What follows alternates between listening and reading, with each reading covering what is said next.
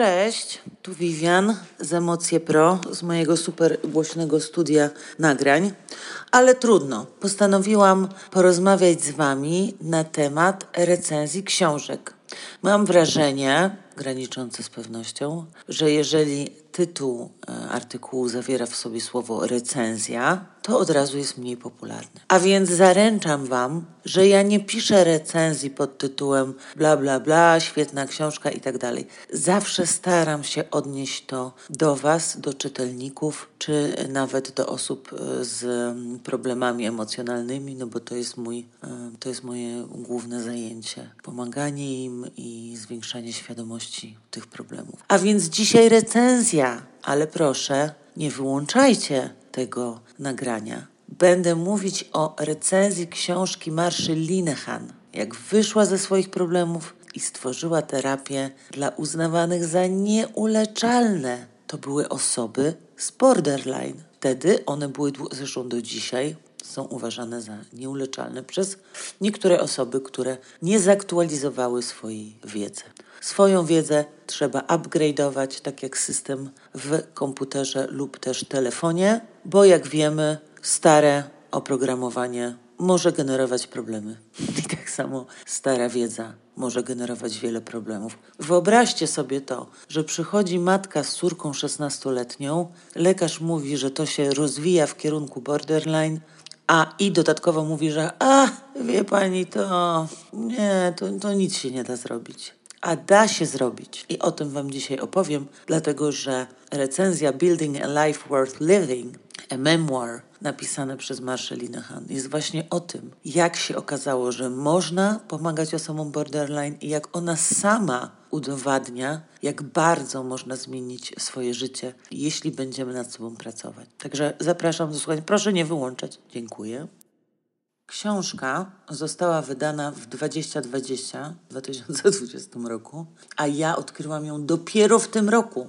No okej, okay, 2021 to nie jest tak daleko, ale dla takiej fanatyczki DBT, jaką ja jestem, każdy dzień opóźnienia wydaje się czymś strasznym. Cóż, zaczęłam słuchać tych wspomnień, bo ostatnio też częściej e, słucham podcastów, książek, stąd też e, wiem, że pewnie wy robicie podobnie. Mamy takie zabiegane życia, że nie wiem, na spacerze z psem e, mogę sobie e, włączyć jakiś podcast. No więc ostatnio właśnie częściej słucham i tej książki też wysłuchałam. Zaczęłam w styczniu, ale nie chciałam się z nią spieszyć. No, w końcu musiałam sobie ograniczać to słuchanie, bo przesłuchałabym jednego dnia, a chciałam e, to powoli dowiadywać się, żeby też jak najwięcej zapamiętać.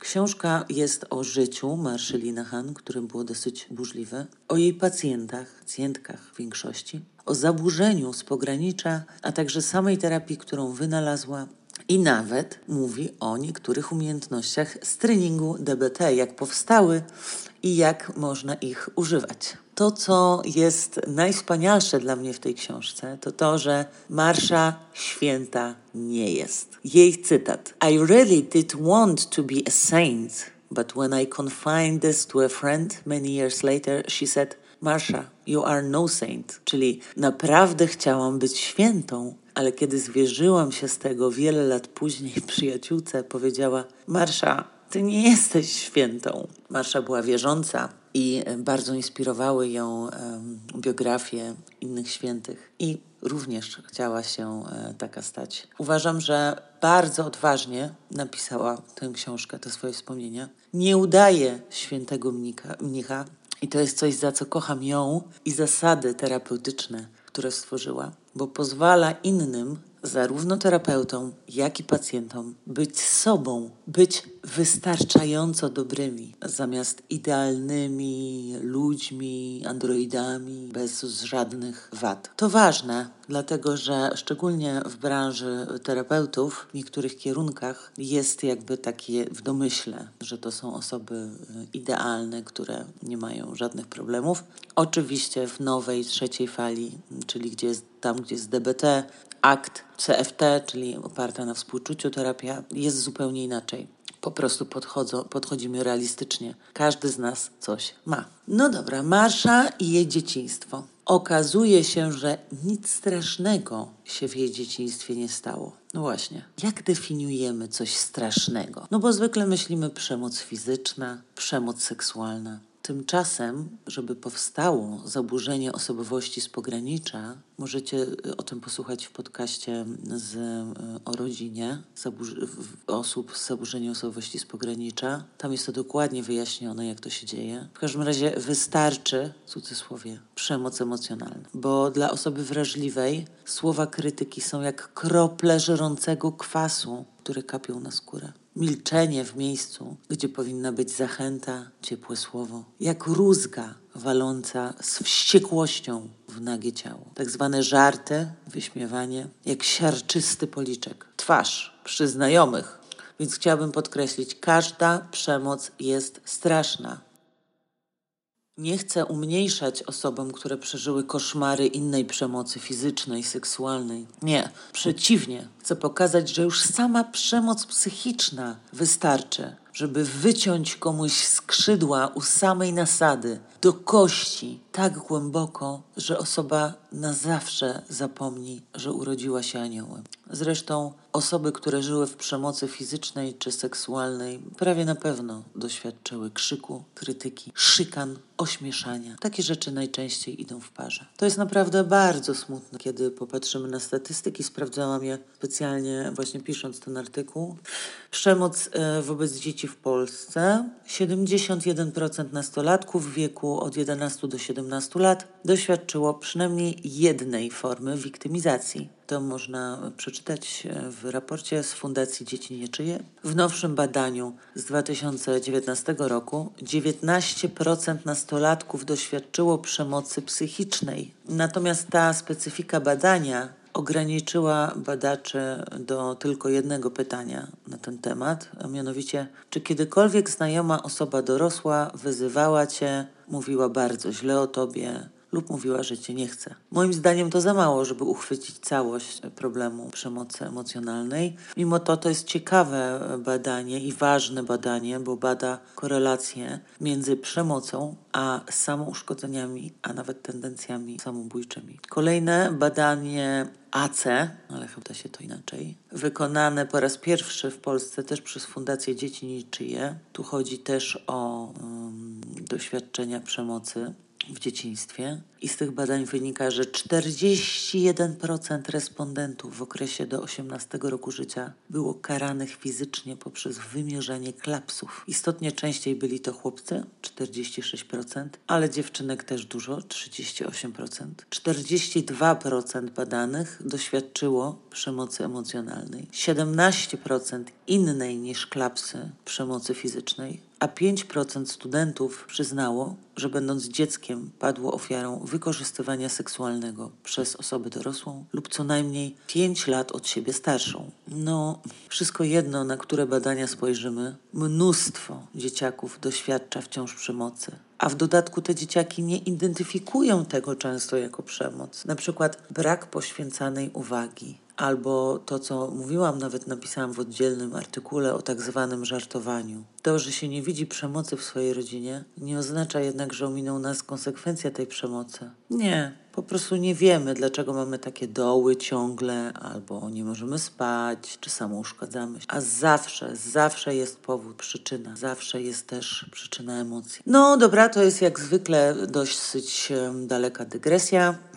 Wróćmy do wspomnień Marszy Linehan. A więc w życiu Marszy była bardzo krytyczna matka, siostra stawiana ciągle za przykład, jaką powinno się być kobietą, ojciec i bracia, którzy nie dostrzegali albo ignorowali jej cierpienie. No i oczywiście to były lata 50.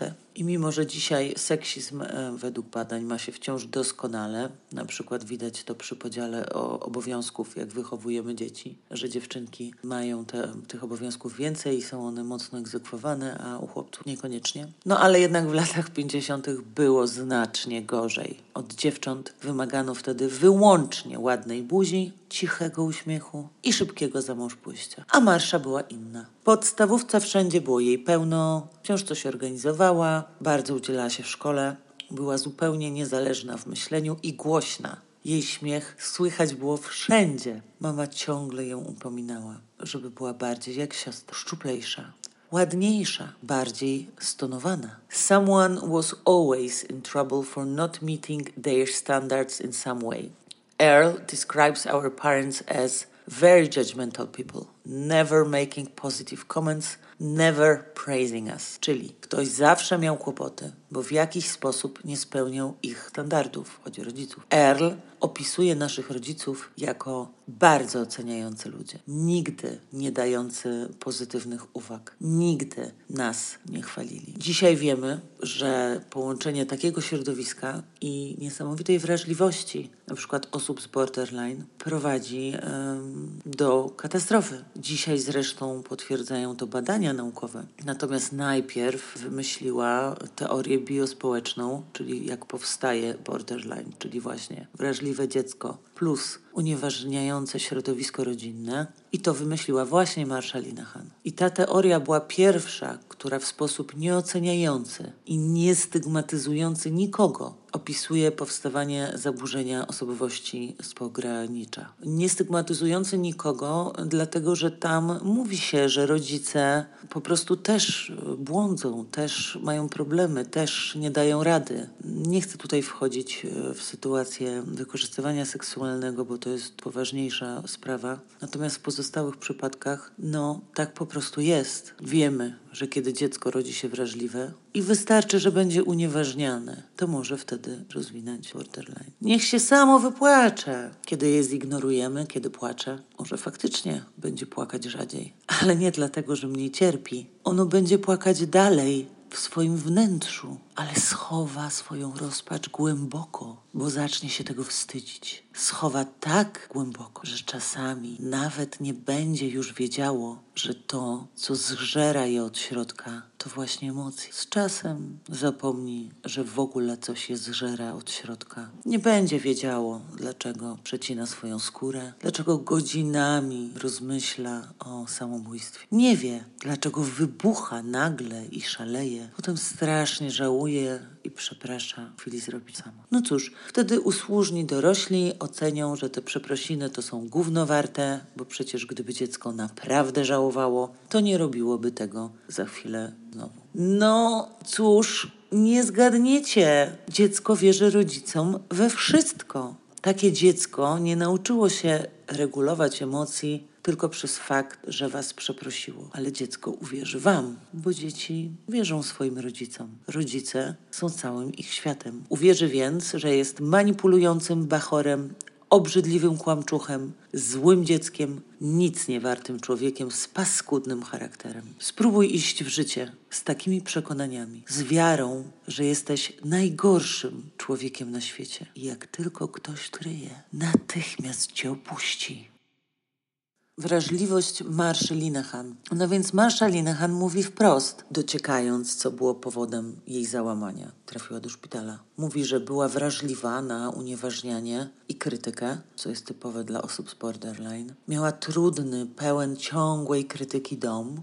Miała też migreny i depresję, kiedy była nastolatką. Ale najwięcej objawów borderline zauważyła, będąc już w szpitalu. Książka i sama Marszalina Han nie daje odpowiedzi na to, dlaczego tak się stało, że zdolna, inteligentna dziewczynka stała się nagle zupełnie nieobliczalną pacjentką szpitala psychiatrycznego. Faktem jednak jest, że w trakcie pobytu w szpitalu jej stan się bardzo poważnie pogorszył. Institute of Living, czyli szpital. No właśnie, kolejne rozdziały opowiadają o naprawdę strasznych przeżyciach w szpitalu, dokąd zawieźli ją rodzice, kiedy miała 18 lat, 61 rok. A skierował ją tam jej psychiatra, do którego chodziła właśnie ze względu na migreny i depresję. Miała być w tym szpitalu dwa tygodnie, została ponad dwa lata Niestety jej stan się szybko pogarszał. Większość czasu w instytucie spędziła na oddziale zamkniętym i to w izolatce. Chciałabym, żebyście to zapamiętali. Dwa lata w izolatce szpitala psychiatrycznego dla wszystkich tych, którzy stracili nadzieję. Powtórzę raz jeszcze. Dwa lata zamknięta głównie w izolatce w szpitalu psychiatrycznym. A żeby to jeszcze mocniej podkreślić, przypomnę, że dzisiaj Marsha Linehan jest gwiazdą roka wśród terapeutów. Właściwie to jest całym zespołem rokowym. Borderline i hospitalizacja. Dopiero w szpitalu odkryła samoszkodzenia. Nie wie, jak do tego doszło. Oczywiście w latach 60. nie było internetu, nie pisano też o takich rzeczach, nie mówiono. Przedtem nie miała więc o tym zielonego pojęcia. A zachowania samouszkadzające są bardzo zaraźliwe. Możemy przypuszczać, że ktoś na oddziale stosował tą przerażającą i ryzykowną, ale metodę regulowania emocji, a Marsha Linehan zaczęła to naśladować. No i Marsza podkreśla, że czasami hospitalizacja może wyrządzić więcej złego niż dobrego. Dlatego w terapii DBT unikamy hospitalizacji jak ognia. Szpital zalecamy wyłącznie, kiedy istnieje bardzo poważne ryzyko, że osoba popełni samobójstwo. I to tylko wtedy, kiedy nie ma środowiska wystarczająco wspierającego, by osobę prowadzić w takim trudnym czasie a mówiąc wprost, pilnować, by nic sobie nie zrobiła, dopóki kryzys nie minie. Izolatka. Marsza Linehan, wyjaśniając swoje, zachow swoje zachowania, plata zasady behawioryzmu. Pisze, że to właśnie w izolatce czuła się najbezpieczniej, a więc to było wzmocnienie. Tak? Czuję się źle, ktoś mnie wsadza do izolatki, tam odczuwam ulgę, więc cóż, robiła różne rzeczy, by tam się właśnie znaleźć. I to jest kolejny przykład na to, jak jesteśmy różni. Co dla jednego będzie karą, dla innego jest nagrodą. Więc te działania z izolatką były zupełnie nieskuteczne w jej przypadku, bo ona chciała tam właśnie być, bo tam miała spokój. Pragnienie miłości. Przez całą książkę przewija się pragnienie miłości. Nie chodzi nawet o tę romantyczną, choć znajdziemy tam też opisy jej związków. Marsza wybierała mężczyzn niedostępnych, zwykle żonatych, więc e, romantyczne relacje nie wydają się jej mocną stroną. I znowu Marsza nie udaje idealną, idealnej. Jest szczera, pisze jak było naprawdę i jak jest naprawdę. Często usłyszymy czy przeczytamy, że szukała rodziny zastępczej.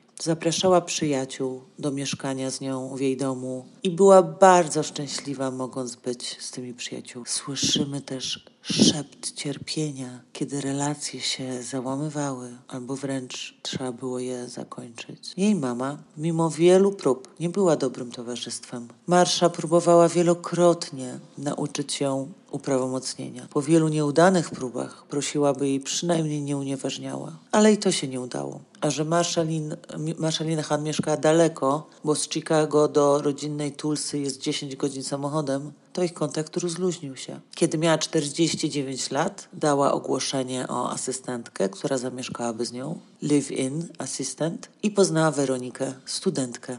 Bardzo się polubiły od pierwszego wejrzenia, miały bliską relację. Po paru latach dołączył Preston, mąż Weroniki, w końcu w 96 roku ich dziecko. Niestety coś się stało, nie wiemy co. I ich relacja pełna spotkań towarzyskich, imprez, bliskości, niestety złamała się, rozłamała. Marsha Linehan pisze Even to this day it feels so sad, czyli nawet do dzisiaj czuję taki smutek. W międzyczasie, w 94 Marsha Linehan przyjęła pod swój dach nastolatkę Geraldine, którą traktuje jak swoją adoptowaną córkę. I wreszcie, wreszcie miała i ma do dzisiaj kochającą ją rodzinę i dom pełen ludzi, śmiechu e, i fajnych chwil. Marsza nie jest mnichem, powtarzam to. Totalnie rozbrajające są akapity o tym, kiedy Marsza Linehan sobie z czymś nie radzi. Opisuje to wzruszająco szczerze. Tak jak już Wam mówiłam, my terapeuci czy tam psychologowie jesteśmy uczeni, że powinniśmy być enigmami, nieodgadnionymi, tajemniczymi, no i radzącymi sobie ze wszystkim i zawsze. Jakie pokrzepiające jest przeczytanie, że 50-letnia Marsha Linehan nie wiedziała, co zrobić, kiedy Gary, czyli Geraldine, zaprosiła znajomych do domu. Wtedy szybko zadzwoniła do przyjaciół o wsparcie i radę, po czym zeszła na dół, by przesłuchiwać wszystkich przyjaciół Gary, a potem się z tego wstydził. Marsza nie jest mnichem. Mogłabym wam dalej opowiadać, ale przeczytajcie tę książkę o tym, jak wzruszająco napisała o swojej przyszywanej matce sama Gary. Jak trudny był dla Marszy coming out, przyznanie się przed całym światem, że była kiedyś w szpitalu psychiatrycznym. Zresztą inni znani terapeuci odradzali jej to wielokrotnie. Ale ona powiedziała, że nie chce umrzeć jako tchórz i zrobiła to. Dzięki temu dała nadzieję wielu innym, że da się wyjść ze swoich problemów w bardzo spektakularny sposób. Przeczytacie też o tym, jak ciężko było się przebić z samą terapią DBT w świecie, który wtedy zdominowany był przez psychoanalityków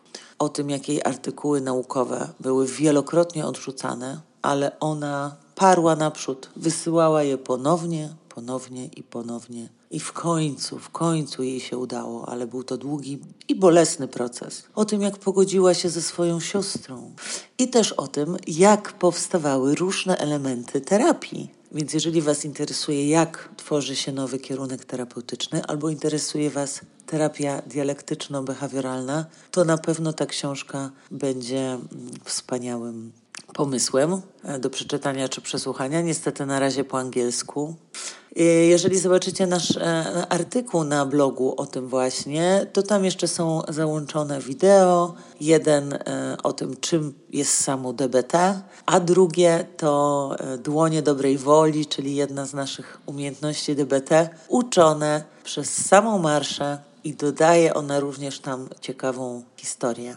Zobaczcie sobie ten filmik, bo naprawdę warto. Dziękuję Wam za wysłuchanie tej recenzji. Mam nadzieję, że Wam się podobała. Do usłyszenia.